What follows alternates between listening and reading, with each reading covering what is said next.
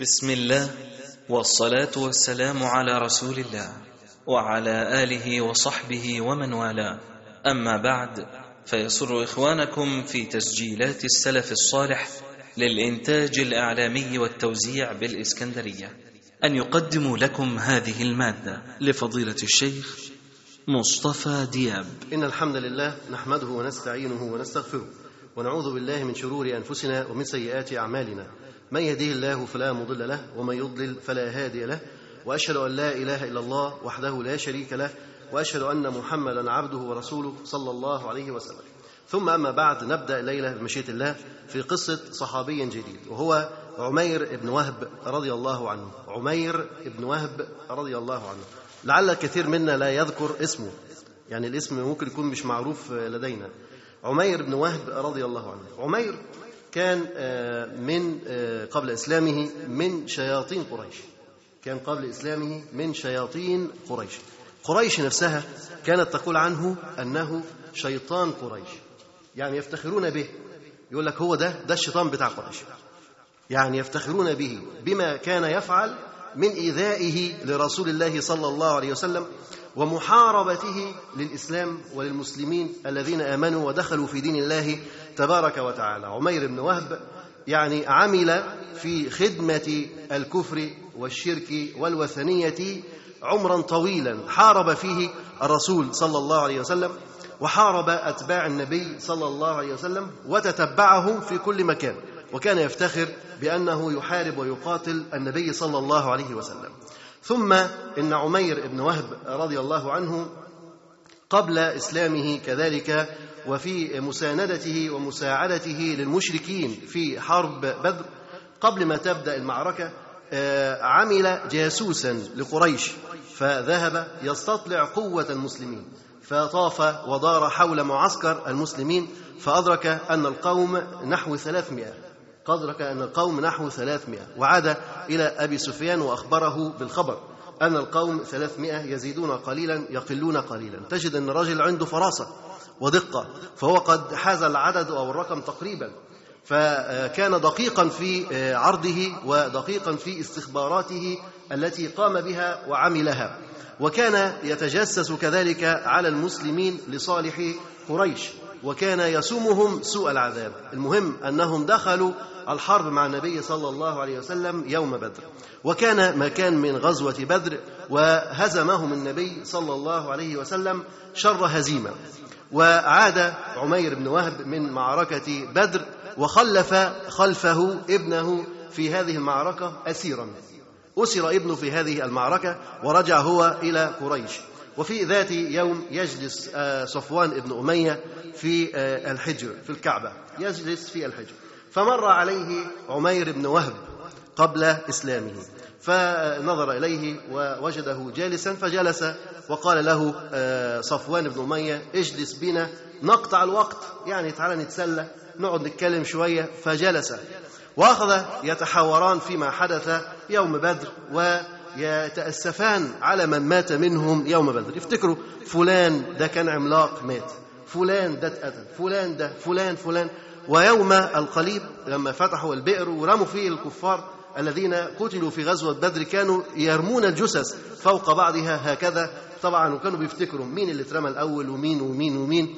أحداث مؤلمة بالنسبة لهم أن يفتقدوا هؤلاء الشلة كما يقولون. شلتهم يعني اللي كانوا بيقعدوا مع بعضهم ويتسلم ففقدوهم مرة واحدة حتى أن صفوان راجل عنده يعني وفاء. فبيقول ليس والله في العيش خير بعدهم. ما فيش خير في العيشة بعدهم. خلاص. الدنيا ما بقاش فيها خير. بعد ما مات الأولين الصالحين بالنسبة له. خلاص ما عادش فيه خير.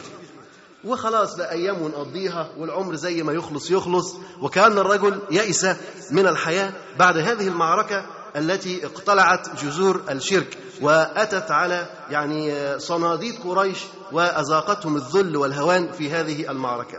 فطبعا عمير بن وهب يجلس مع صفوان بن أمية. فالحوار يعني فيه أسى وندم وحزن. فصفوان بن أمية يستمع لعمير وهو يعرض هذا العرض فيقول عمير ورب الكعبة لولا ديون علي ليس عندي ما أقضيها به وعيال أخشى عليهم الضياع من بعدي لمضيت إلى محمد صلى الله عليه وسلم وقتلته وحسمت أمره وكففت شره. ده مين عايز بالموضوع ده؟ طبعا عمير اللي هو شيطان قريش سفاح قريش رجل متعود على هذه الأمور أو هذه القرصنة فيريد أن يذهب إلى النبي صلى الله عليه وسلم ويقتله وتنتهي المشكلة لولا أن عنده عليه ديون ليس عنده ما يدفعها وكأن الراجل عنده أمانة خايف يموت وعليه ديون فعايز اللي يسدد ديونه وكذلك عنده عيال كذلك يخاف أن يضيع الذرية من بعده فيقول مين هيشيل عيالي؟ مين هيسد ديوني؟ طبعا صفوان بن أمية قاعد كالصقر لم يترك هذه الفرصة تمر هكذا. واحد بيقول لك أنا ممكن أعمل وأعمل وأعمل وأقتل النبي صلى الله عليه وسلم لولا ديون وأولاد وحاجات بسيطة. فطبعا صفوان بن أمية رجل غني جدا. فقال له خلاص ديونك علي وعيالك عيالي وروح اقتلهم خلاص هم دول عقبة خلاص. ديونك علي أسددها لك كلها. مهما كثرت أسد ديونك. وعيالك ما تقلقش. عيالك عيال. هربيهم في وسط عيالي والعيال كتير وهناك زمان كانوا بينجبهم يعني من غير عدد. ينجب ويحط في إيه؟ في الحوش على طول. ما فيش مشكلة ما فيش عدد. لا تحديد نسل ولا اتنين واتنين وخلاص ولا واحد زائد واحد يساوي اتنين. ما فيش الكلام. ده ينجبوا كثير. خلاص الفلوس كتيرة والأولاد كتيرة والسكن كتير. فقال له أضم أولادي إلى أولادك ويعيشون معا في هذه في هذه المساكن. طبعا عمير بن وهب وجد ان انها فرصة. فقال اذا اسر بهذا الكلام. ما تقولوش لحد الحوار ده بيني وبينك سري. قاعدين هما الاثنين فقط في الحجر في الكعبة. لا يراهم أحد أو لا يسمعهم أحد. هما الاثنين بس قاعدين. وكمان عمير بن وهب أكد على صفوان بن أمية إن الخبر ده ما يطلعش. وفعلا عمير بن وهب بدأ يقتنع وإن خلاص صفوان يشيل الشيلة يدفع الديون ويربي العيال وهو يروح يعمل هذا العمل الفدائي. يجعل نفسه بطلا ويقتل النبي صلى الله عليه وسلم. فذهب إلى راحلته يعد الراحلة وذهب إلى سيفه وحساه سما يعني مش عايز يضربه بالسيف وبس. السيف سقاه بالسم. حتى إذا ضرب به الرسول صلى الله عليه وسلم قتله ومات من فوره وتوه. فحشاه سما وذهب به إلى يثرب. طبعا هو توجه إلى يثرب وليس عنده ما يخيفه ولا يرهبه لأن قريش كلها لها أسرة عند النبي صلى الله عليه وسلم في المدينة. كل واحد من قريش بيذهب إلى الرسول عليه الصلاة والسلام في يثرب فيدخل المدينة بلا حرج. ما حدش يقول له أنت جاي هنا ليه؟ داخل ياخد الأسير بتاعه. فعمير بن وهب له أسير ومعروف أنه له أسير ابنه. فهو يذهب إلى النبي صلى الله عليه وسلم بلا حرج يعني ما فيش أي غضاضة في ذهابه ودخوله على النبي صلى الله عليه وسلم. الأمور ميسرة. راجل را واحد رايح ياخد أسيره والسيف في جيبه. مجرد ما وصل إلى النبي عليه الصلاة والسلام ممكن يضربه بالسيف تنتهي القضية ويموت الرسول عليه الصلاة والسلام. فهو مطمئن من الجانب دوت لا يحتاج إلى استخفاء ولا أن يعني يتوارى من هذا الأمر. فجهز سيفه وأخذ راحلته وانطلق حتى وصل إلى أبواب يثرب ودخل المدينة فعلا. وكان عمر بن الخطاب رضي الله عنه وبعض إخوانه يجلسون أيضا يتذاكرون يوم بدر.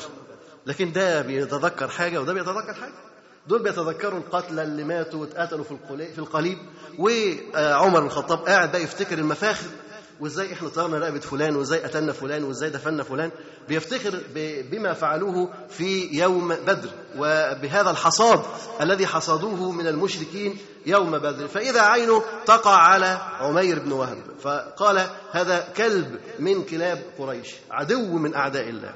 شوف كيف كان يبغضه عمر بن الخطاب رضي الله عنه لأنه كان جاسوسا كان عين للمشركين على المسلمين وكان يؤذي النبي صلى الله عليه وسلم. فقال هذا كلب عدو الله عمير بن وهب. والله ما جاء إلا لشر قد ألب المشركين علينا في مكة وكان عينا لهم علينا قبيل بدر كان شغال جاسوس. ثم بادر عمر رضي الله عنه وقام إليه وأخذ بتلابيبه. مسكوا كده من رقبته قام جاي على طول عمر بن الخطاب عارفين طبعا قوته وشجاعته ولا ينتظر فقام ومسك بتلابيبه هكذا ويسأله ما ماذا لماذا جئت؟ ما الذي أتى بك إلينا؟ قال الأسير معروف الموضوع معروف يعني جاي أخذ أسيري فأخذه وذهب به إلى النبي صلى الله عليه وسلم وكان الخبر وصل للرسول عليه الصلاة والسلام إن عمير بن وهب جاي فعندما وصل عمر بهذا الرجل وهو بهذه الطريقة ماسكه من رقبته كده ومكتفه وعمال يجره فوقف أمام النبي صلى الله عليه وسلم فالنبي عليه الصلاة والسلام قال أطلقه أطلقه سيبه. طبعا عمير واقف مرعوب عمر الخطاب ماسكه خلاص.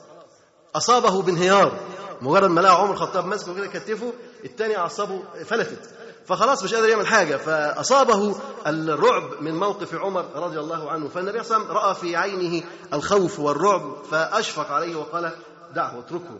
فتركه عمر رضي الله عنه. فالنبي صلى الله عليه وسلم قال له اقترب قرب. فقعد يقرب يقرب. طبعا عمر خايف لأنه يرى الشر في عين هذا الرجل الماكر وقتئذ فالنبي عليه يقول له اقترب اقترب فاقترب. فالنبي عليه يقول له يعني ما جاء بك؟ يعني جيت لي. فقال آه، وما الذي جاء بك يا عمير؟ النبي صلى عليه يقول وما الذي جاء بك يا عمير؟ فقال جئت أرجو فكاك هذا الأسير الذي في أيديكم فأحسنوا إلي فيه. أنا جاي أخذ الأسير بتاعي فإيه يعني خليكم كرمة وأطلقوا أطلقوا لي هذا الأسير ويعني لا تأخذوا مني مالا كثيرا. فالنبي صلى الله عليه وسلم قال فما بال السيف الذي في عنقك؟ السيف ده جايبه ليه؟ انت جاي تاخذ الأسير. جايب السيف ليه؟ يعني أنت ماشي لماذا تسير بالسيف وتدخل عليه بالسيف وأنت تريد أن تأخذ الأسير؟ فقال عمير قبحها الله من سيوف. بيشتم السيوف. الله يخرب بيت السيوف. جابت لنا إيه السيوف؟ وعمال يشتم في السيوف. قال قبحها الله من سيوف. هل أغنت عنا شيئا يوم بدر؟ جابت لنا حاجة؟ ما هم ماتوا اللي ماتوا واتأثروا اللي اتأثروا وادينا جايين في ذل وهوان ناخدوا الاسرى بتوعنا. عملت لنا إيه السيوف؟ وكأنه بيصرف نظر النبي صلى الله عليه وسلم عن قضية السيف وقضية القتل وما إلى ذلك. فقال الرسول عليه الصلاة والسلام اصدقني. ما ما الذي جاء بك يا عمير؟ كلم الحقيقة إيه اللي جابك؟ النبي صلى الله عليه وسلم لا يقتنع بهذا الكلام. اصدقني. ما الذي جاء بك يا عمير؟ قال ما جئت إلا لذلك. هو ده اللي أنا جاي علشانه يا رسول الله. فقال النبي صلى الله عليه وسلم بل قعدت أنت وصفوان ابن أمية عند الحجر فتذاكرتما أصحاب القليل من صرع قريش. ثم قلت لولا دين علي وعيال عندي لخرجت حتى أقتل محمدا صلى الله عليه وسلم. فتحمل لك صفوان ابن أمية دينك وعيالك على أن تقتلني. والله حائل بيني وبينك. يعني مش تقدر تعمل انت عايز تعمله. طبعا الراجل صدم. لأن لا أحد يسمع هذا الخبر. صفوان وهو فقط. كانوا قاعدين في الحجر وهو كلام سري للغاية. ما كانش فيه أجهزة تصنت وما كانش فيه حد شافهم. ما فيش أي وسائل تكنولوجية تنقل الخبر. لا أقمار صناعية ولا ولا ما فيش ما فيش. كيف نقل الخبر إلى النبي صلى الله عليه وسلم؟ هو يعجز أن يصل إلى الحل. ولكن النبي عليه الصلاة والسلام يقول والله حائل بينك وبيني. لن تستطيع أن تفعل شيء مع النبي صلى الله عليه وسلم. لماذا؟ والله يعصمك من الناس. والله يعصمك من الناس. فالله عز وجل يعصم نبيه صلى الله عليه وسلم. حينما سمع آه، عمير من النبي عليه الصلاة والسلام هذا الموقف أسقط في يده. كانش متخيل إن ممكن يكون النبي عليه الصلاة والسلام يبلغه هذا الخبر فذهل عمير لحظة. دهش. سكت. وقف مش قادر يعبر. لا يستطيع أن يتكلم ثم ما لبث أن قال أشهد أنك رسول الله. فشهد أن لا إله إلا الله وأن محمدا رسول الله صلى الله عليه وسلم. قال لقد كنا يا رسول الله نكذبك بما كنت تأتينا به من خبر السماء وما ينزل عليك من الوحي لكن خبري مع صفوان بن أمية لم يعلم به أحد إلا أنا وهو. يعني كنا بنكذبك زمان تقول لنا في وحي بينزل من السماء ما كناش بنصدق. لكن ده الخبر دوت لم يحدث إلا بيني وبين صفوان. ما الذي أعلمك إياه؟ ووالله لقد أيقنت أنه ما أتاك به إلا الله سبحانه وتعالى. فالحمد لله الذي ساقني إليك سوقا ليهديني إلى الإسلام. يحمد الله عز وجل. يقول الحمد لله الذي هداني إليك سوقا أو ساقني إليك سوقا ليهديني إلى الإسلام. القلوب بين إصبعين من أصابع الرحمن. يقلبها كيف يشاء. هذا الرجل أتى ليقتل النبي صلى الله عليه وسلم. ومع ذلك تنتهي الحلقة مع الرسول عليه الصلاة والسلام بإيمانه وإسلامه ودخوله في دين الله تبارك وتعالى. النبي صلى الله عليه وسلم قال لأصحابه فكوا فقهوا أخاكم وفكوا اسيره فقهوا أخاكم وفكوا أسيرا. يعني له الأسير بدون ما ياخذ منه أي عوض وكذلك أمرهم أن يفقهوا عمير رضي الله عنه لأنه دخل في الإسلام. أول زاد لابد أن يتزود به بعد إيمانه بالله أن يتعلم هذا العلم حتى يعبد ربه عز وجل على علم. عمر بن الخطاب رضي الله عنه الذي قال عنه منذ قليل أنه كلب من كلاب قريش وعدو من أعداء الله يعبر بتعبير آخر ويبين كيف أن الإسلام يغير القلوب وكيف أن قضية الحب في الله قضية جوهرية قضية إذا التزم بها الإنسان فإنها تغير معايير حياته من اليسير جدا أن يكون الرجل كافر الآن وأنت تكرهه وتبغضه في الله عز وجل لكن إذا أسلم فإن هذه الكراهية كلها تتحول إلى حب لله سبحانه وتعالى. فهذا عمر يقول لخنزير كان أحب إلي من عمير بن وهب حين قدم إلى رسول الله صلى الله عليه وسلم. بيقول لك لخنزير أحب إلي من عمير بن وهب. يعني عمر الخطاب كان يفضل الخنزير على مين؟ على عمير بن وهب حين أتى إلى النبي صلى الله عليه وسلم وهو ما زال على الكفر. وهو اليوم أحب إلي من بعض أبنائي. تخيل بقى الحب انتقل إزاي؟ بعد ما كان بيقول لك ده يعني يفضل الخنزير ويحب الخنزير مع مع قذارته وما به. ومع ذلك عمر ممكن يحب الخنزير وما يحبش عمير بن وهب لما أتى كافرا إلى النبي صلى الله عليه وسلم. لكن بعد ما أسلم فهو اليوم أحب إلي من بعض أبنائي. انظر كيف يغير الإسلام القلوب كيف يغير الولاء كيف يغير الحب كيف يغير ما في نفوس الناس. بعد ما كان أحب إليه بعد ما كان يكرهه ويبغضه أصبح أحب إليه من بعض أولاده. عاش عمير ابن وهب رضي الله عنه مع أصحاب النبي صلى الله عليه وسلم في مكة يتعلم. وصفوان بن أمية قاعد في قريش يعمل إيه؟ مستني بقى يسمع الخبر. ما هو أصل بين مكة والمدينة 500 كيلو. عبال ما صفو عبال ما هو عمير هيروح ويتخفى ويقتل والخبر ينتشر والخبر يرجع. مش هيتذاع بقى في أذاعة لندن ومونت كارلو والحاجات ديت مفيش ولا قنوات فضائية ولا البث المباشر والغير مباشر مفيش. فالخبر عبال ما يرجع تاني عايز له ولا بتاع 15 يوم. فصفار بن أمية قاعد مستريح وقاعد يبشر الناس قاعد يقول لهم هيجي لكم خبر كمان شوية؟ هينسيكوا بدر واللي كان في بدر. مش مشكلة اللي ماتوا في بدر هينسيكوا كل اللي فات كل الماضي اللي هتنسوه خبر ما يتوزنش بالذهب. أغلى. وقاعد بقى يمني في الخلق يمني في الخلق والعملية طالت. عدى ل 10 و15 و20 وبعدين عمير ما جاش. يسأل في الناس إيه مثلا ما شفتوش عمير؟ لا لا ما شفناش عمير. كل واحد ما شفتوش عمير ما شفناش عمير. آخر واحد صادم وما شفتش عمير قال له ما تعرفش ده عمير أسلم. أسلم؟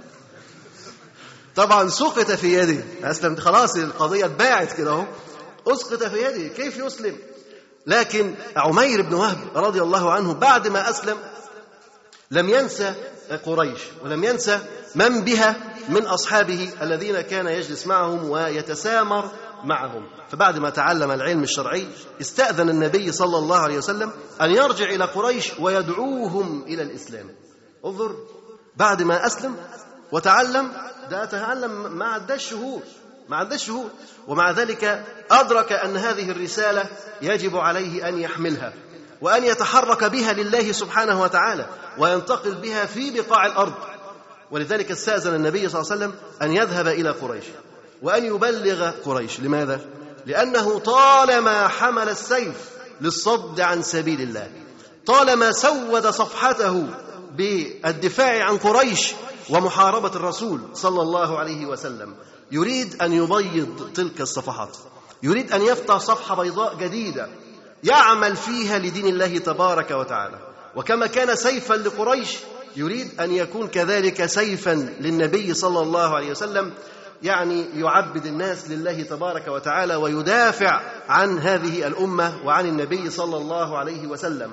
فآذن له النبي صلى الله عليه وسلم أن يذهب إلى قريش. فذهب فعلا وأول من, من التقى بهم كان صفوان ابن اميه طبعا صفوان بن أمية أول ما قابله إزاي تسلم وإزاي دخلت في الإسلام؟ فطبعا عمير بن وهب أخذ يدعوه إلى الله سبحانه وتعالى. ويذكره ويعرفه بأن النبي صلى الله عليه وسلم صادق وأخبره الخبر. وإن هذا الخبر ما كان ممكن أحد يتخيل أنه يصل إلى النبي صلى الله عليه وسلم حكى له ودعاه إلى الدخول في دين الله عز وجل فهرب إلى ساحل البحر. هرب إلى ساحل البحر. ولم ولم يرد أن يدخل في الإسلام خوفا. خاف طالما عمير بن وهب أسلم بعد كده عمير بن وهب ممكن يحاربه لأنه سوف يدعوه ولو لم يستجب فربما تكون حروب أخرى كغزوات بعد ذلك بينه المسلمين وبين المشركين وعمير بن وهب يقتله. ففر صفوان بن أمية إلى ساحل البحر ولكن عمير بن وهب ذهب إلى النبي عليه الصلاة والسلام واستأمنه لصفوان بن أمية. أتى له بأمان لصفوان بن أمية أن يرجع ويسلم بين يدي النبي صلى الله عليه وسلم.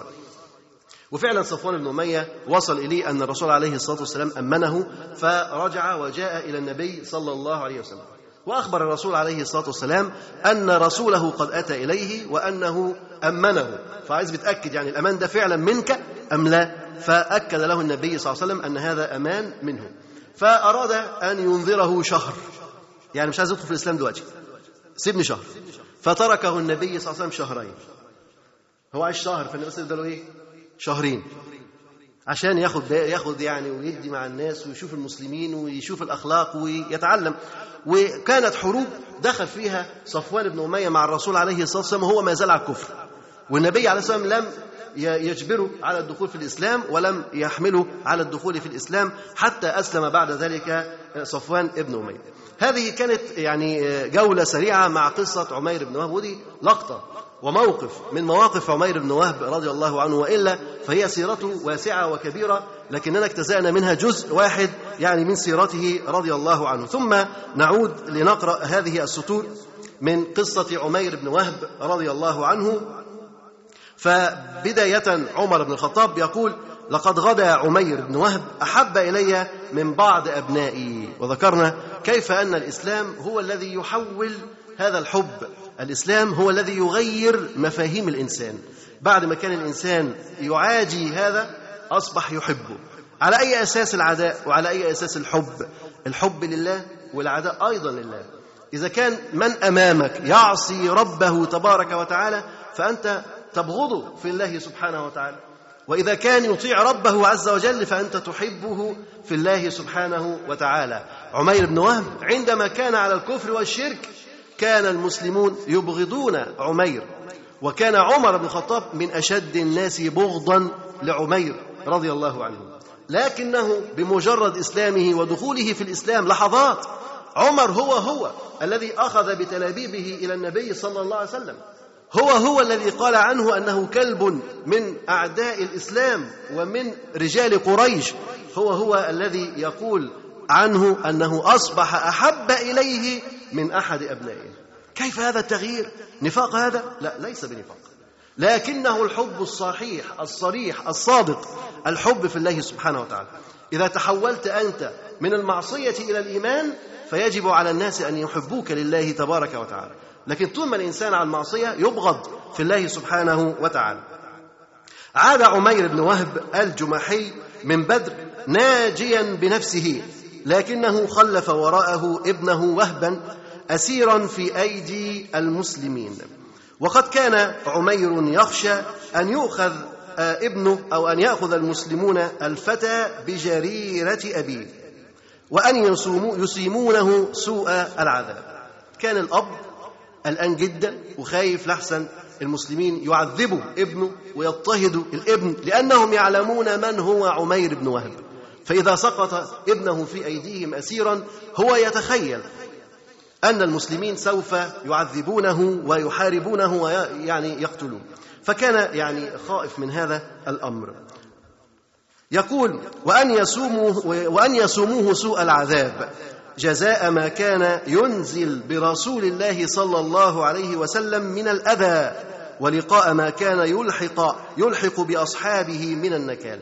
عمير بن وهب كان له يد طوله في إيذاء النبي صلى الله عليه وسلم وفي إيذاء أصحابه رضي الله عنهم. والله عز وجل يقول ومنهم الذين يؤذون النبي ويقولون هو أذن قل اذن خير لكم يؤمن بالله ويؤمن للمؤمنين ورحمه للذين امنوا منكم والذين يؤذون رسول الله لهم عذاب اليم.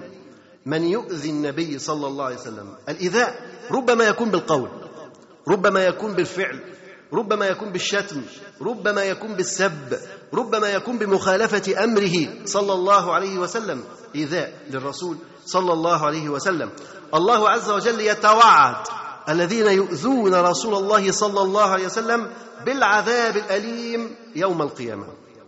بالعذاب الأليم يوم القيامة. قال ومنهم الذين يؤذون رسول الله. الذين يؤذون النبي صلى الله عليه وسلم ويقولون هو أذن. يقولون هو أذن. المنافقين يقولون على النبي صلى الله عليه وسلم هو أذن. أذن يعني يسمع لأي أحد ويصدق أي أحد. يعني لو إنسان من المنافقين أتى إلى النبي صلى الله عليه وسلم وكلمه كذب فالنبي صلى الله عليه وسلم لا يعلق على كلامه يقبل كلامه. كلمه صدق فالنبي صلى الله عليه برضه لا يعلق على كلامه يقبل كلامه. هم يظنون أن النبي صلى الله عليه وسلم يعني لا ينتبه إلى الصدق من الكذب.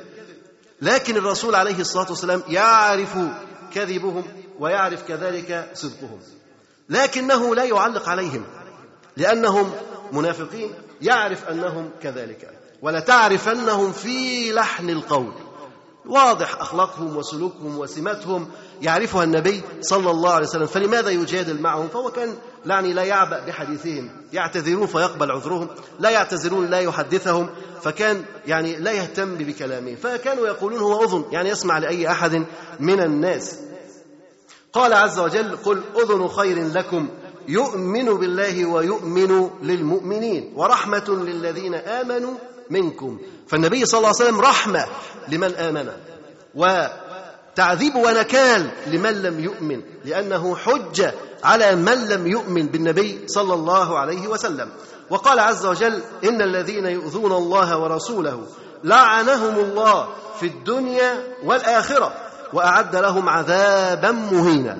الذين يؤذون النبي صلى الله عليه وسلم هؤلاء لعنهم الله عز وجل في الدنيا والآخرة.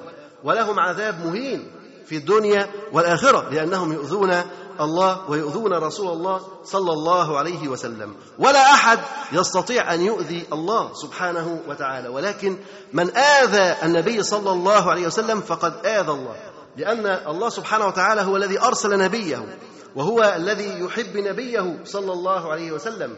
فمن آذى النبي صلى الله عليه وسلم وضايقه وأدخل الحزن والكآبة والكرب على النبي صلى الله عليه وسلم فقد آذى ربه تبارك وتعالى. يغضب عليه ربنا عز وجل ويحاربه.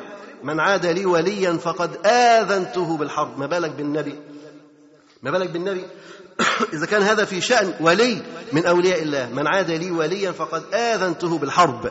الله عز وجل يدافع عن عباده المؤمنين بل ويدافع عن الأنبياء. إن الله يدافع عن الذين آمنوا.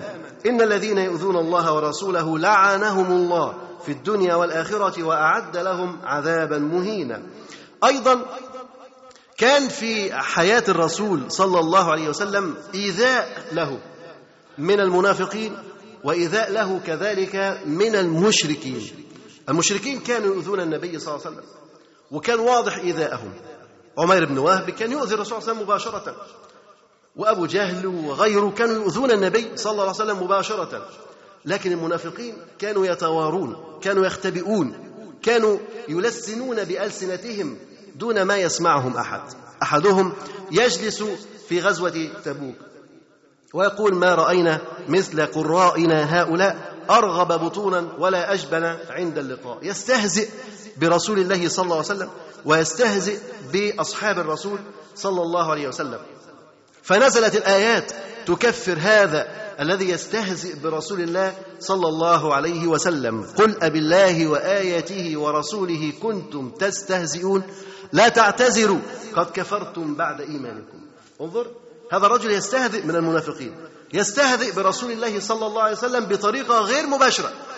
يستهزئ بأصحابه فكأنه يستهزئ بالنبي صلى الله عليه وسلم. نزلت الآيات قل أبالله وآياته ورسوله كنتم تستهزئون. الرجل كان يقول يا رسول الله حديث الركب كنا بنتسلى. إنما كنا نخوض ونلعب. الرجل يقول يا رسول الله حديث الركب. كنا بنسلي بعضينا بنضيع وقت. ما كنا نقصد؟ يا رسول الله حديث الركب. إنما كنا نخوض ونلعب. نزلت الآيات قل أبالله وآياته ورسوله كنتم تستهزئون. لا تعتذروا قد كفرتم بعد إيمانكم.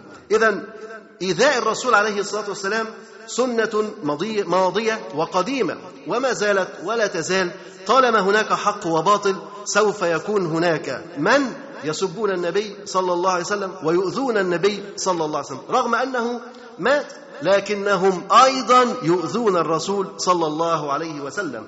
يؤذون النبي صلى الله عليه وسلم ولكن هل هناك من يدافع عن النبي صلى الله عليه وسلم ويرد عن النبي صلى الله عليه وسلم؟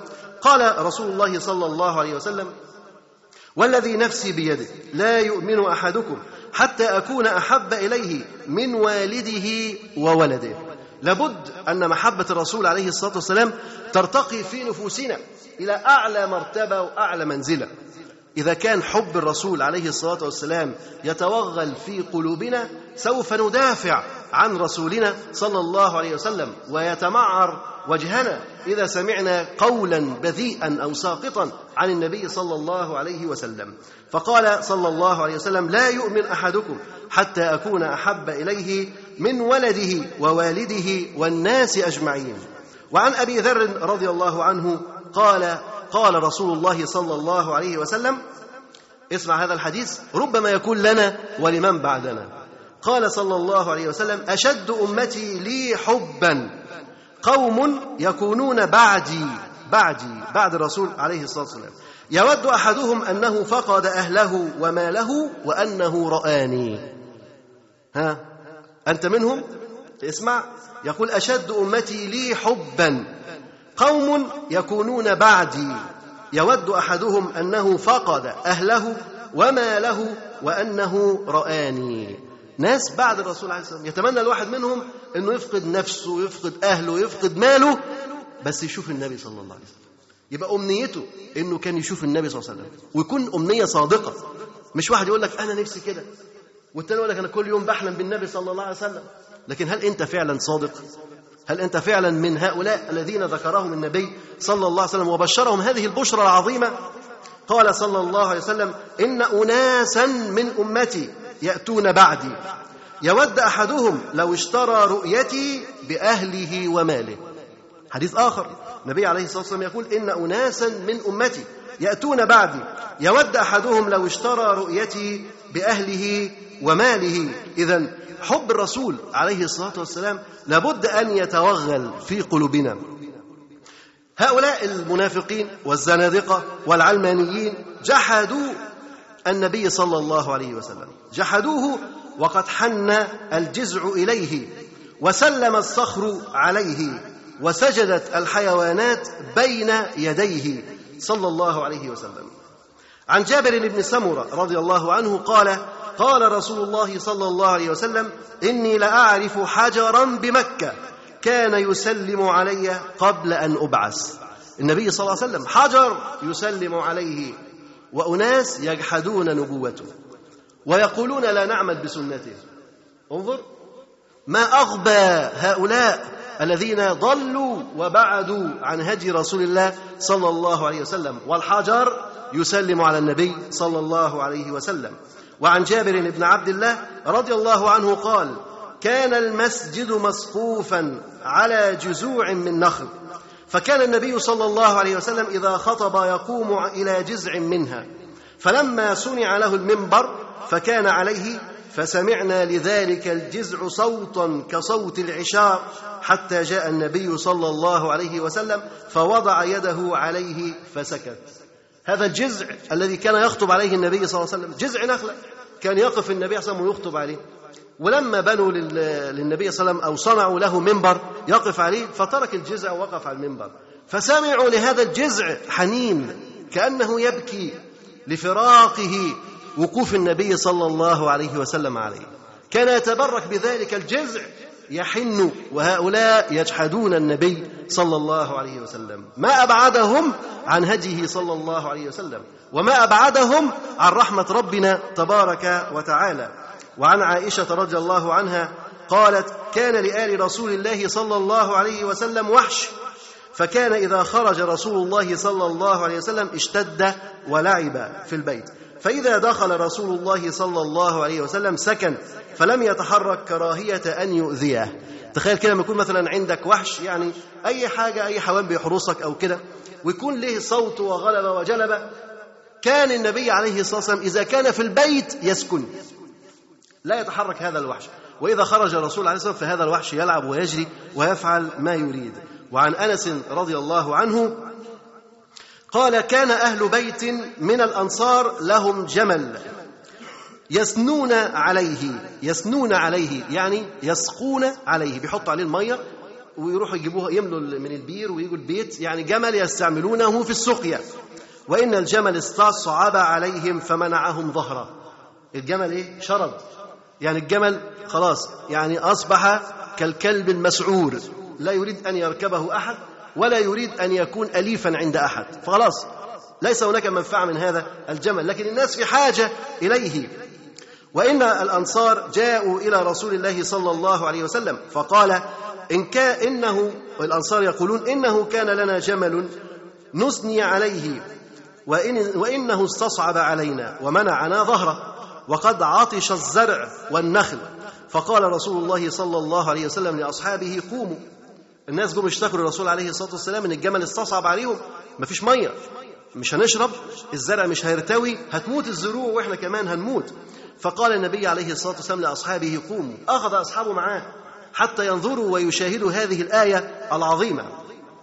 فقاموا فدخل الحائط والجمل في ناحية. فمشى النبي صلى الله عليه وسلم نحوه. فقالت الأنصار يا نبي الله إنه قد صار مثل الكلب. الكلب يعني أصبح كأنه مسروع لأنه خلاص يعني لا يريد أن يخدم. يعني أصبح كأنه مكلوب أو مسعور أي أحد يقترب إليه ممكن هو يعني يجرحه أو يركله بقدمه. وإنا نخاف عليك صولته. فقال ليس علي منه بأس. يعني ما تخافوش علي منه. ليس علي منه بأس. فلما نظر الجمل إلى رسول الله صلى الله عليه وسلم أقبل نحوه حتى خر ساجدا بين يديه. الله أكبر. انظر. الجمل عندما رأى النبي صلى الله عليه وسلم يتجه نحوه الجمل اقترب إلى النبي صلى الله عليه وسلم وخر ساجدا بين يديه. فأخذ رسول الله صلى الله عليه وسلم بناصيته أذل ما كانت. مسك رأسه بقى خلاص بقى جنب الأليف رجع تاني أذل وأفضل مما كان يعني في عشرته لأهله. أخذه بناصيته أذل ما كانت قط حتى أدخله في العمل. بدأ يشغله حتى ظهر الساقي مرة أخرى وينتقل. فقال له أصحابه يعني أصحاب النبي صلى الله عليه وسلم هذه البهيمة لا تعقل تسجد لك. البهيمة ديت ما تفهمش تسجد لك ونحن نعقل فنحن أحق أن نسجد لك. أصحاب النبي عليه الصلاة عايزين يعملوا إيه؟ عايزين يسجدوا. يقولوا دي البهيمة اللي ما تفهمش. سجدت للرسول صلى الله عليه وسلم. إحنا بنفهم. لماذا لا نسجد للنبي صلى الله عليه وسلم؟ هناك أناس أضل من الأنعام. هناك أناس أضل من الأنعام. الأنعام تسجد للرسول صلى الله عليه وسلم. وفي شعوبنا ومجتمعاتنا أناس أضل من حمر أهاليهم. لا يطيعون أمر النبي صلى الله عليه وسلم. جحدوا الرسول صلى الله عليه وسلم وقد سجدت له الدواب فقال أصحابه نحن أحق أن نسجد لك. فقال لا يصلح لبشر أن يسجد لبشر. لا يصلح لبشر أن يسجد لبشر. ولو صلح لبشر أن يسجد لبشر لأمرت المرأة أن تسجد لزوجها من عظم حقه عليها. والذي نفسي بيده. لو كان من قدمه إلى مفرق رأسه قرحة تنبجس بالقيح والصديد ثم استقبلته فلحسته ما أدت حقه. النبي صلى يقول لو كنت آمرا أحد أن يسجد لأحد لأمر المرأة أن تسجد لزوجها. لما له من الحق عليها. فيبر يقول لو إن الرجل كل قيح وصديد من أول رأسه إلى رجله. وزوجته لحسته تلحس الصديد شيء مقزز جدا. تلحسه ما أدت حقه. ما أدت حقه. شوف بقى النساء بقى بتوع اليومين دول فاهمين حاجة من الحاجات دي؟ تقول له لا المجتمع كله سواسية الراجل زي المرأة. الراجل زي المرأة. وكمان مش كده وبس. لا وممكن كمان إن الراجل يتسمى باسم المرأة. مفيش مشكلة. واحدة بقى اسمها مثلا إيه؟ منى نوال. خلاص. بقت هي اسمها على اسم أمها وتنسى أبوها. أبوها بقى صفر خلاص ملوش لازمة. أبوها بقى صفر ملوش لازمة. يساوون الرجال بالنساء. وهذه المرأة لو لحست زوجها وهو قيح وصديد ما أدت حقها. ما أدت حقها. الإسلام كرم المرأة وأعطاها مكانة ومهابة لكن أعداء الإسلام أهانوا المرأة وذلوا المرأة. يقول عن سفينة رضي الله عنه مولى النبي صلى الله عليه وسلم قال ركبت البحر. سفينة هذا مولى النبي صلى الله عليه وسلم. يقول ركبت البحر يعني ركب البحر يعني ركب سفينة هو اسمه إيه؟ سفينة. وركب إيه؟ ركب برضه سفينة ما تلخبطوش بالاثنين سفينة ركب سفينة. يقول ركبت البحر فانكسرت السفينة. فركبت لوحا. ساب السفينة وركب إيه؟ ركب لوح. لا العملية مش نافعة. طبعا ما لو ما ركبش اللوح هيغرق فيقول فركبت لوحا يعني لقى لوح يعوم في المية فمسك اللوح دوت. فطرحني اللوح في أجمة فيها أسد. أجمة زي غابة فيها أسد. رماه في في الغابة ديت. قال خلاص وصلت اليابسة. وصل اليابسة نعم لكن في فك الأسد. تخيل نفسك أنت طلعت من البحر. سبت أنت بقى سيد قشطة والحيوانات اللي في البحر. وقمت داخل على البر لقيت الأسد. يعني سبت دوت لدوت. هتعمل إيه؟ فوجد أسد. طبعا لو واحد مننا كان زمانه بيجري وعايز ينزل نفسه في البحر تاني يقول لك السمك يكني أحسن من الأسد يكني. مش كده؟ لكن سفينة رضي الله عنه ماذا فعل؟ فقلت يا أبا الحارث مين أبا الحارث ده؟ الأسد. دي كنية الأسد. قل له يا أبا الحارث أنا مولى رسول الله صلى الله عليه وسلم. فطأطأ رأسه.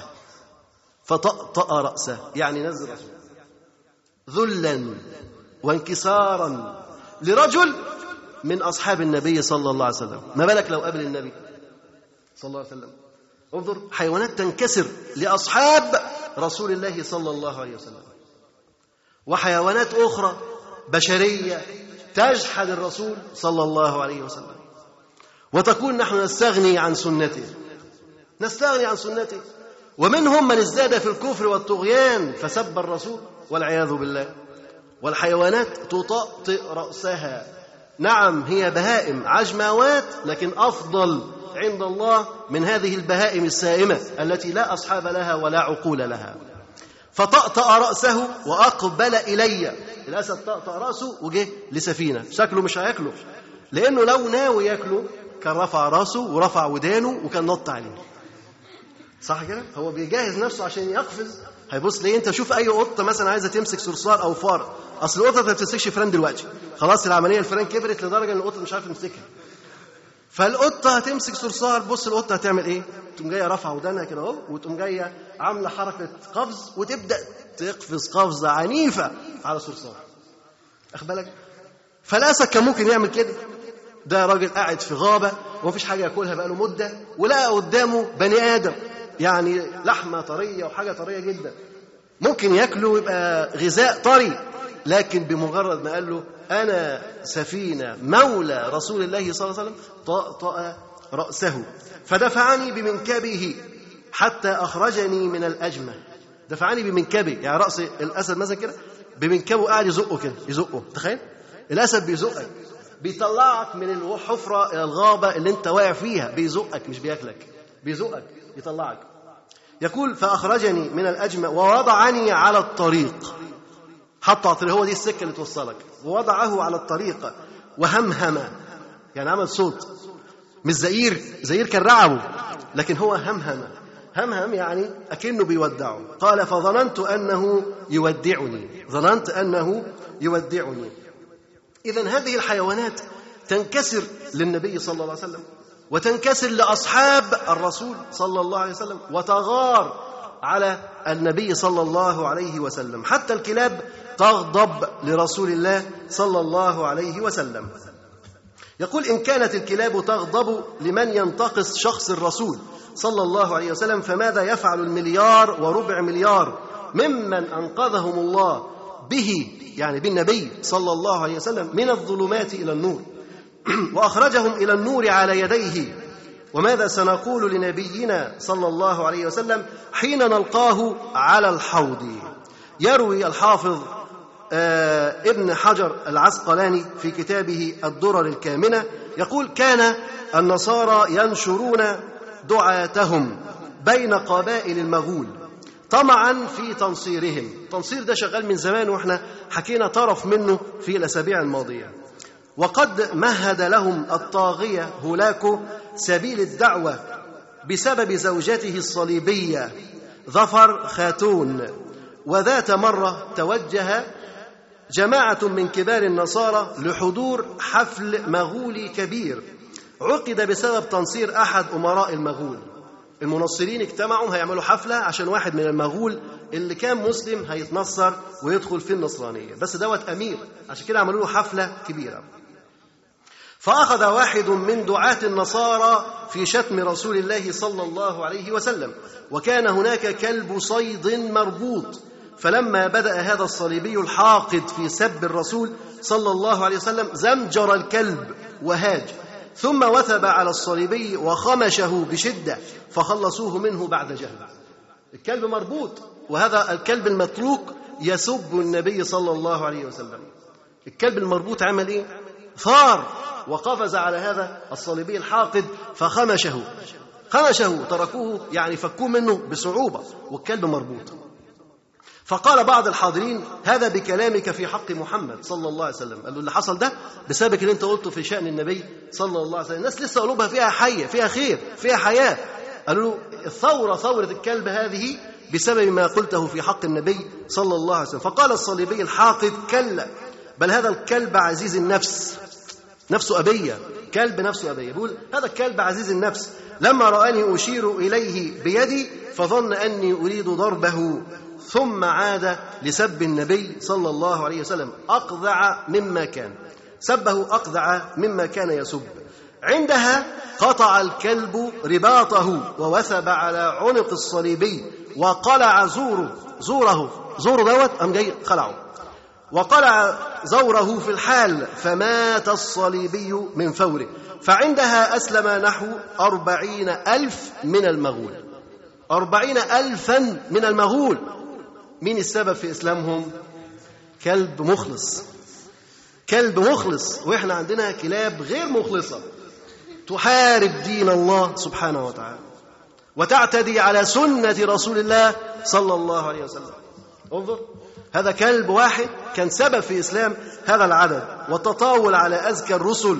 وسيدهم صلى الله عليه وسلم فاق كل حد من المغضوب عليهم والضالين اليهود والنصارى. ومن عباد البقر والزنادقة والملاحدة وأهل النفاق. والتطاول على سنته وإنكار المتواتر منها وما صححه جهابذة الحديث وشيوخ الحفاظ أصبح تجارة رائجة بين الدهماء والغوغاء وأهل الخبث ممن يعرفهم أهل الله في لحن القول. أصبحت تجارة رابحة. من يريد أن يرتفع أكثر يسب أكثر. اللي عايز يعلو ويظهر نجمه كما يقولون يتلمع ماذا يفعل؟ يسب يخوض في الإسلام ويخوض في الرسول صلى الله عليه وسلم. وكلما خاض ارتفع في الدرجات. ارتفع في الدرجات. تذكرون هذا الرجل الهالك سلمان رشدي؟ عندما سب الرسول عليه الصلاة والسلام وهو كان شخصية مغمورة لما سب الرسول عليه الصلاة والسلام قامت له أوروبا كلها تحميه ويسحبوا السفير عشان إيه؟ طب أنتوا مالكم؟ هذا رجل سب النبي عليه الصلاة والسلام ونحن نطارده ونحن نريد أن نأخذ بحق نبينا صلى الله عليه وسلم منه، لماذا تأويه الدول؟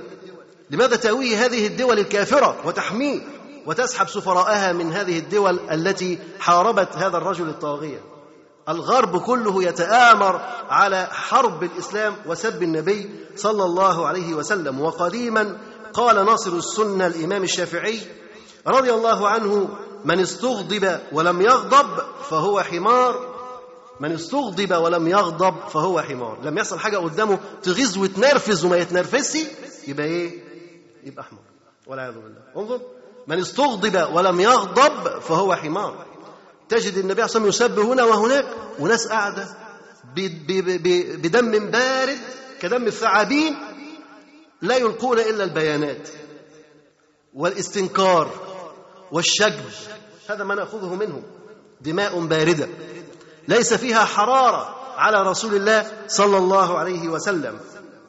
وقال صلى الله عليه وسلم إن من أمتي قوما يعطون مثل أجور أولهم ينكرون المنكر. إن من أمتي قوما يعطون مثل أجور أولهم ينكرون المنكر. لو أن في هذه الأمة قوم ينكرون المنكر لأخذوا أجر مثل أجر من كانوا في الأول. الجيل الأول جيل أصحاب النبي صلى الله عليه وسلم. أرفع عمل وأعظم عمل وأعظم وسام أن تنافح عن رسول الله صلى الله عليه وسلم. أعظم عمل تقدمه. وخدمة تقوم بها لهذا الدين أن تدافع عن رسول الله صلى الله عليه وسلم وطوبى لمن ينافح عن رسول الله صلى الله عليه وسلم. فله نصيب من قول رسول الله صلى الله عليه وسلم لحسان إن روح القدس لا يزال يؤيدك ما نافحت عن الله ورسوله. النبي صلى الله عليه وسلم يقول لحسان رضي الله عنه إن روح القدس لا يزال يؤيدك ما نافحت عن الله ورسوله. أنت أيضا إذا نافحت عن الله ورسوله إذا دافعت عن الله ورسوله فإن روح القدس يؤيدك.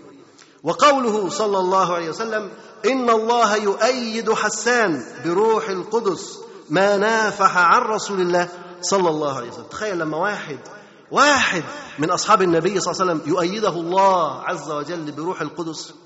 يؤيده بروح القدس. لماذا؟ لأنه يدافع عن النبي. أعظم وسام شرف تأخذه إنك تدافع عن النبي مهما سجنت أو عذبت أو اضطهدت أو أبعدت فإن دفاعك عن النبي صلى الله عليه وسلم أعظم وسام تحمله على صدرك وعلى رأسك. وقوله صلى الله عليه وسلم إن روح القدس معك ما هجيتهم.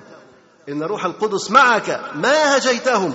طول ما انت بتهجو في هؤلاء الكفرة والمعاندين الذين يسبون النبي صلى الله عليه وسلم فإن روح القدس معك. وقوله صلى الله عليه وسلم اهجوا المشركين فإن روح القدس معك. اهجوا المشركين فإن روح القدس معك. وقوله صلى الله عليه وسلم أهج قريشا فإنه أشد عليهم من رشق النبل. وقوله صلى الله عليه وسلم يا حسان أجب عن رسول الله صلى الله عليه وسلم اللهم أيده بروح القدس. من الذي يدعو له؟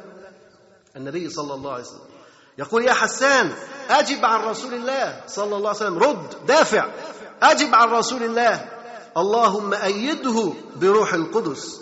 وقوله صلى الله عليه وسلم هجاهم حسان فشفى واشتفى. هجاهم حسان فشفى واشتفى. شفى يعني أذهب غيظ المؤمنين. شفى. لما هجاهم حسان المؤمنين استريحوا حسوا إن إيه؟ إن ليهم كرامة ولهم قيمة وحد جاب لهم حقهم. فشفى. واشتفى يعني مزق الكافرين بشعره وبقوله رضي الله عنه. وهو القائل هجوت محمدا فأجبت عنه وعند الله في ذاك الجزاء. هجوت محمدا برا تقيا رسول الله شيمته الوفاء أتهجوه ولست له بكفء فشركما لخيركما الفداء فإن أبي ووالده وعرضي لعرض محمد منكم وقاء. هذا ما قاله حسان بن ثابت لأبي سفيان بن الحارث قبل ما يسلم أبو سفيان بن الحارث. قاله مدافعا عن النبي صلى الله عليه وسلم. والله سبحانه وتعالى قد حفظ نبيه صلى الله عليه وسلم بل وأرسله رحمة للعالمين رحمة لهذه الأمم بأسرها. قال عز وجل وما أرسلناك إلا رحمة للعالمين. رحمة. النبي صلى الله عليه وسلم رحمة للبشرية بأسرها. هو رحمة للإنسان.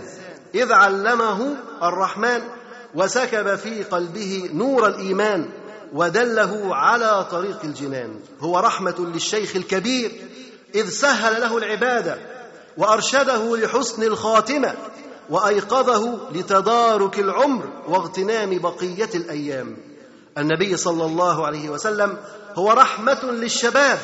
إذ هداه إلى أجمل أعمال الفتوة وأكمل خصال الصبا.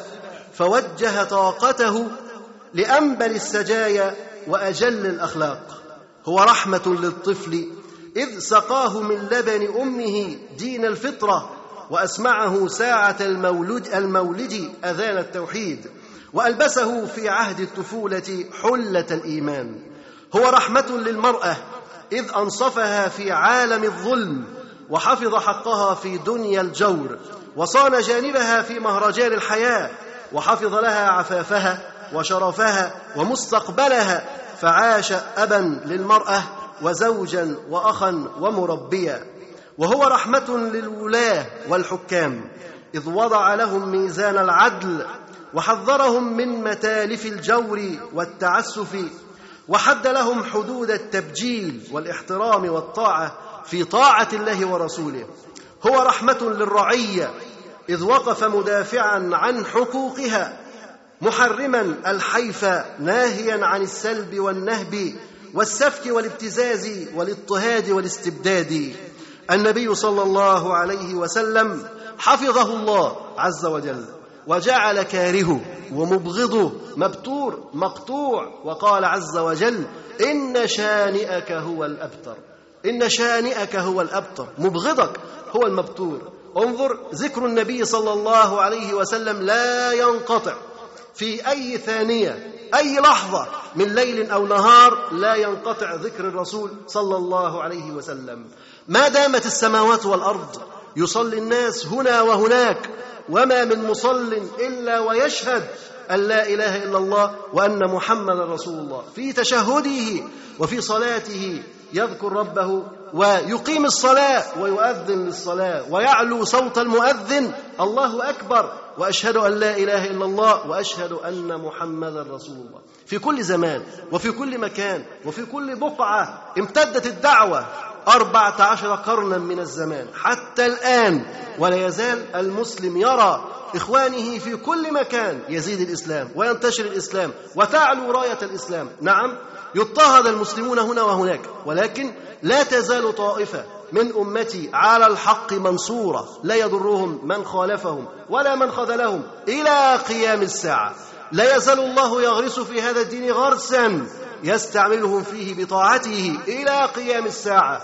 فهذه الأمة أمة دائمة باقية بإبقاء الله لها. الله عز وجل أبقى هذه الأمة أمة خالدة إلى قيام الساعة.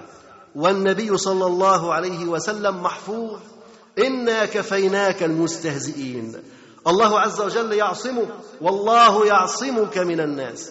إن شانئك هو الأبتر مبغضك كارهك هو المقطوع. كم من إنسان كره النبي وحارب النبي وآذى النبي صلى الله عليه وسلم.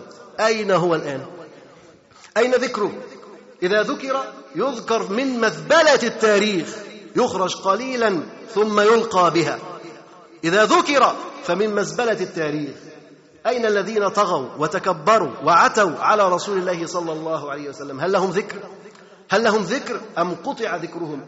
بتر ذكرهم كما قال ربنا عز وجل إن شانئك هو الأبتر. شانئ محمد صلى الله عليه وسلم وجاحدوا نبوته على مدار التاريخ هم حثالة من الرعاع والأقزام. تطاولوا على قدر علم الأعلام وسيد الأنام صلى الله عليه وسلم وارتكسوا في الحمأة الوبيئة فأين هم من نداء محمد العلوي صلى الله عليه وسلم الجميل الذي يبارك العمر ويرفعه ويزكيه؟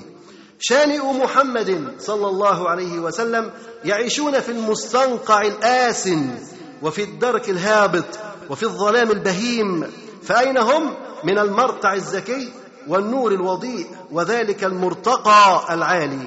شانئ محمد صلى الله عليه وسلم. رسول الله الكريم ختم الله به النبوة.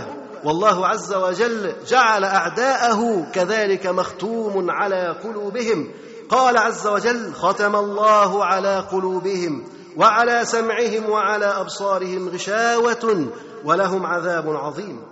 شانئ محمد صلى الله عليه وسلم كبار المخادعين أغفال يخادعون البشرية وأنفسهم حين يصدوها عن هاديها إلى طريق الحق.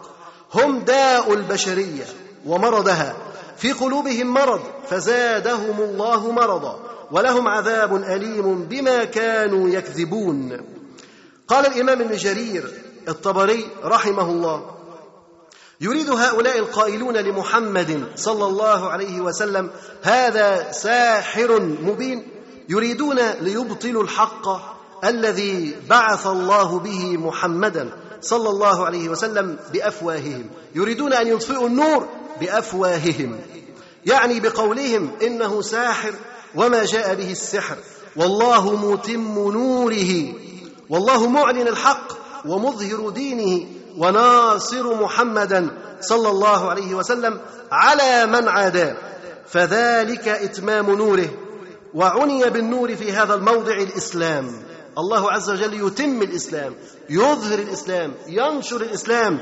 دين النبي صلى الله عليه وسلم الذي أتى به ونور للبشرية ونور لها هذا الطريق الذي تسير فيه إلى الله تبارك وتعالى.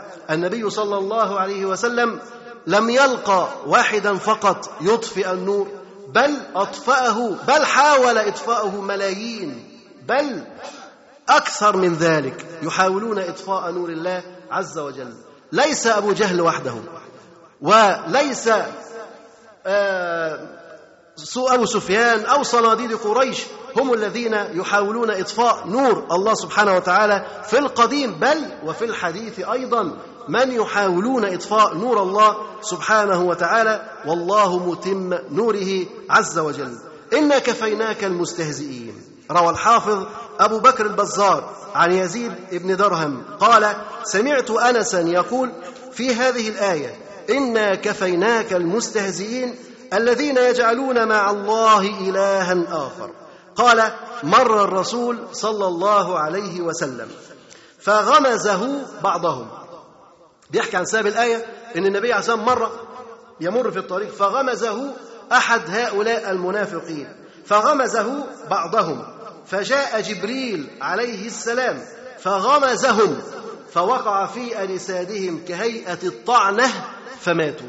هم غمزوا النبي صلى الله عليه وسلم يعني باللسان. غمزوه باللسان. فجاء جبريل إلى هؤلاء الذين غمزوا النبي باللسان فغمزهم. كأنه ضغط عليهم أو ما شبه ذلك. فغمزهم فكانت هذه الغمزة كالطعنة فماتوا من توهم لأنهم آذوا النبي صلى الله عليه وسلم. وقال محمد بن إسحاق كان عظماء المستهزئين كما روي عن عروة ابن الزبير خمسة نفر. أيام النبي عليه الصلاة في قريش كان أعظم من آذوا الرسول كانوا خمسة أفراد. وكانوا ذوي أسنان وشرف في قومهم من بني أسد. ابن عبد العزة ابن قصي. واحد منهم اسمه الأسود ابن أبي زمعة. كان رسول الله صلى الله عليه وسلم فيما بلغني قد دعا عليه لما كان يبلغه من أذاه واستهزاؤه. كان يبلغ النبي صلى الله عليه وسلم أن هذا الرجل يؤذيه ويسبه. فالنبي صلى الله عليه وسلم دعا عليه فقال اللهم اعمي بصره اللهم اعمي بصره واثكل ولده. واثكله ولده. يعني اعمي بصره وافقده أولاده. فعمى بصره وفقد ولده.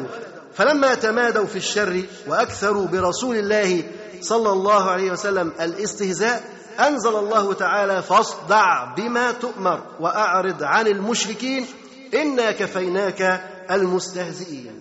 أمره الله عز وجل أن يعرض عنهم. والله عز وجل كافيه وراعيه وحميه من هؤلاء الذين يلمزون ويتغامزون. عن أب عن ابن إسحاق وعن عروة بن الزبير أن جبريل أتى رسول الله صلى الله عليه وسلم وهو يطوف بالبيت. جبريل أتى إلى النبي صلى الله عليه وسلم والنبي عليه الصلاة والسلام يطوف بالبيت. فقام وقام رسول الله صلى الله عليه وسلم إلى جنبه. وقف الرسول صلى الله عليه وسلم وجبريل وقف جنب الرسول عليه الصلاة والسلام. فمر به الأسود بن عبد يغوث واحد ممن كانوا يستهزئون بالرسول صلى الله عليه وسلم ويسبونه. فمر على النبي صلى الله عليه وسلم فأشار إلى بطنه. النبي عليه الصلاة والسلام أشار إلى بطن من؟ إلى بطن الأسود ابن عبد يغوث. فأشار إلى بطنه فاستسقى بطنه. فاستسقى بطنه. يعني استسقى بطنه.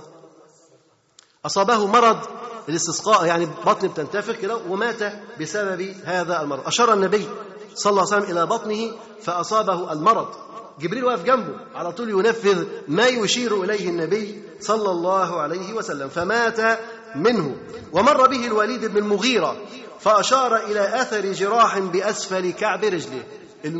الوليد بن المغيرة مر بالرسول عليه الصلاة والسلام. فالنبي صلى الله عليه وسلم أشار إلى أثر جراح قديمة من سنتين. في رجل الوليد بن المغيرة. الوليد بن المغيرة كان مرة ماشي على راجل بيجهز النبال بتاعته فحديدة من حديد النبل جرح قدم الوليد واتعالجت وخلاص. سنتين بعد سنتين النبي عليه الصلاة والسلام أشار إلى مكان هذا الجرح فانفتق وانقض هذا الجرح ومات بسببه. قال وليس بشيء فانتقض به فقتله. ومر به العاص بن وائل العاص بن وائل فأشار إلى أخمص قدمه فخرج على حمار له أشار إلى أخمص قدمه فهذا الرجل خرج على حمار له يريد الطائف فربد على شبرقة يعني جه اتعطر في صخرة أو وقع على صخرة فدخلت في أخمص قدمه فقتلته حاجة حادة مدببة دخلت في أخمص قدمه فمات بسببها ومر به الحارث ابن الطلاطلة فأشار إلى رأسه فامتخط قيحا فقتله. النبي صلى الله عليه وسلم أشار إلى رأسه فرأسه امتخطت قيح امتلأت بالقيح ومات بسبب هذا القيح. وروى محمد بن إسحاق عن ابن عباس قال كان رأسهم الوليد بن المغيرة وهو الذي جمعهم. الوليد بن المغيرة هو الذي كان يجمع هؤلاء. وقال العلامة عبد الرحمن ناصر السعدي في قوله عز وجل إنا كفيناك المستهزئين وقد فعل يعني فعلا كفاه الله عز وجل المستهزئين. فما تظاهر أحد بالاستهزاء برسول الله صلى الله عليه وسلم وبما جاء به إلا أهلكه الله وقتله شر قتله. أي حد يستهزئ بما جاء به النبي؟ أو يتهكم على ما جاء به النبي صلى الله عليه وسلم فإن الله عز وجل يقتله شر قتله. وقال شيخ الإسلام ابن تيمية رحمه الله وكان المسلمون إذا حاصروا أهل حصن واستعصى عليهم ثم سمعوهم يقعون في النبي صلى الله عليه وسلم ويسبونه. يستبشرون بقرب الفتح. كان المسلمين لما يحصروا حصن من الحصون. يستصعب عليهم فتح الحصن فيحاصروه فلما يسمعوا أن المشركين بداخل الحصن يسبون النبي صلى الله عليه وسلم فكانوا يستبشرون بسرعة الفتح. طبعا يغيظهم سب المشركين للنبي صلى الله عليه وسلم. ولكن يعرفون أن ما من أحد يسب الرسول صلى الله عليه وسلم إلا وسينصر الله عز وجل نبيه صلى الله عليه وسلم. ولذلك كانوا يستبشرون بقرب الفتح. ثم ما هو إلا وقت يسير ويأتي الله بالفتح من عنده انتقاما لرسوله صلى الله عليه وسلم. أعداء رسول الله شياطين مجرمون. أعداء رسول الله صلى الله عليه وسلم شياطين. كما قال تبارك وتعالى وكذلك جعلنا لكل نبي عدوا. شياطين الإنس والجن. شياطين إيه؟ الإنس والجن. يوحي بعضهم إلى بعض زخرف القول غرورا. ولو شاء ربك ما فعلوه فذرهم وما يفترون. قال ابن كثير رحمه الله يقول تعالى وكما جعلنا لك يا محمد أعداء يخالفونك ويعادونك ويعاندونك. جعلنا لكل نبي من قبلك أيضا اعداء. يعني هذه سنة. النبي صلى الله عليه وسلم يصبر.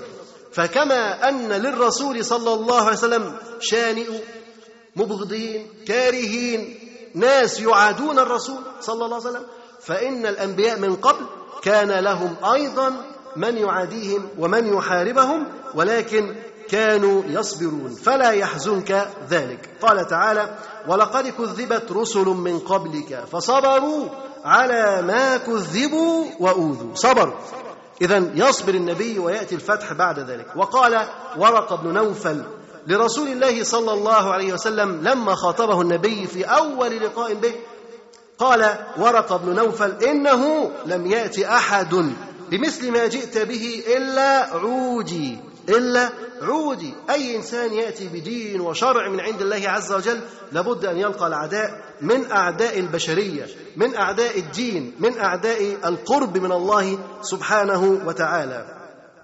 وعن المغيرة بن شعبة رضي الله عنه. قال قال رسول الله صلى الله عليه وسلم إن أول يوم عرفت فيه رسول الله صلى الله عليه وسلم كنت أنا وأبو جهل ابن هشام في بعض أزقة مكة في بعض أزقة مكة. هل هؤلاء الذين يكذبون النبي صلى الله عليه وسلم يؤمنون أنه كذاب؟ في الحقيقة أن كثير منهم يؤمن أنه صادق. ولكن الكبر والغرور والحقد هو الذي يحملهم على عداء الرسول صلى الله عليه وسلم. هذا أبو جهل. كان من اليسير أن يكون رجل ممن يعملون ويخدمون هذا الدين لكنه آثر منذ اللحظة الأولى أن يكون عدوا للنبي صلى الله عليه وسلم. فهذا المغيرة ابن شعبة رضي الله عنه يقول إن أول يوم عرفت فيه رسول الله صلى الله عليه وسلم كنت أنا وأبو جهل بن هشام في بعض أزقة مكة. إذ لقينا رسول الله صلى الله عليه وسلم فقال رسول الله صلى الله عليه وسلم لأبي جهل يا أبا الحكم النبي وسلم ماشي في في بعض الأزقة وجد أبو جهل ووجد المغيرة بن شعبة. فالنبي عليه الصلاة بيقول لأبو جهل يعني يا أبا الحكم هلم إلى الله وإلى رسوله إني أدعوك إلى الله. النبي بيدعو أبو سفيان بيدعو أبو جهل للدخول في دين الله تبارك وتعالى إني أدعوك إلى الله. فقال أبو جهل يا محمد صلى الله عليه وسلم هل أنت منته عن سب آلهتنا؟ ها هتبطل شتم وسب في آلهتنا؟ هل تريد إلا أن تشهد أن قد بلغت؟ يعني أنت عايز تقول لنا أن أنت بلغت الرسالة؟ خلاص إحنا سمعنا ولا تتكلم مرة ثانية. كلام أبو جهل. فوالله لو أني أعلم أن ما في أن ما تقول حقا ما اتبعتك.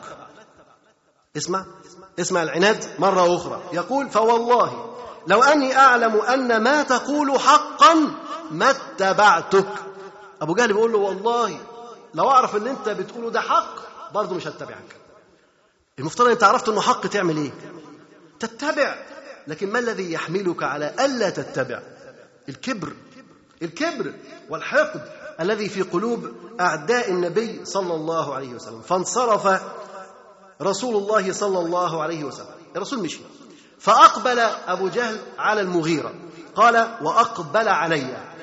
مين اللي أقبل على مين؟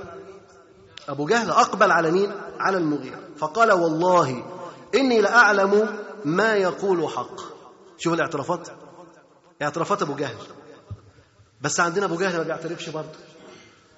عندنا في عصورنا الحالية أبو جهل ما بيعترفش. أبو جهل جاهل. لا يعترف. فقال إني لأعلم ما يقول حق. ولكن بني قصي قالوا فينا الحجابة. فقلنا نعم قالوا فينا الندوة. قلنا نعم قالوا فينا اللواء. قلنا نعم قالوا فينا السقاية. قلنا نعم ثم أطعموا وأطعمنا حتى إذا تحاكت الركب يعني أصبحوا سواسية. قالوا منا نبي فلا والله لا أفعل. يعني مسألة كلها عنده نفسية. إن بني قصي عندها حاجات وحاجات وقالوا منا نبي. هو ما عندوش نبي فمش عايز يتبع الرسول عليه الصلاة والسلام. قال المساور ابن مخرمة وهو ابن أخت أبي جهل. ده ابن أخته يعني مش هيخبي عليه حاجة. ابن أخت أبي جهل. قال لأبي جهل يا أب يا خالي يا خالي هل كنتم تتهمون محمدا بالكذب قبل أن يقول ما قال؟ ها ده ابن أخته بقى. بيقول له يا خالي كنتم تتهموا محمد صلى الله عليه وسلم بالكذب قبل ما يقول ما قال فقال يا ابن أختي والله لقد كان محمد فينا وهو شاب يدعى الأمين فما جربنا عليه كذبا قط. قال يا خالي فما لكم لا تتبعونه؟ يعني أنت عارف إنه صادق؟ بيكذبش ابدا حتى منذ شبابه وهو لا يكذب بل كنتم تسمونه الأمين فلماذا لا تتبعونه؟ قال يا ابن أختي تنازعنا نحن وبنو هاشم. تنازعوا الشرف المكانة السيادة. ودي شهوة إنه يكون هو السيد هو القائد هو الرئيس. فأطعموا وأطعمنا وسقوا وسقينا وأجاروا وأجرنا حتى إذا تجاثينا على الركب وكنا كفرسي رهان قالوا منا نبي. خلاص بقى زي بعضهم. ده بيعمل زي ده بيعمل زي ده قبيلتين ده سواسيه طب هنفقهم بإيه؟ فكان من بنو هاشم منا من الله إن ربنا عز وجل جعل منهم النبي. فافتخروا بذلك مع أنهم كان في منهم كفار كتير. ومع ذلك كانوا بيفتخروا إن منهم إيه؟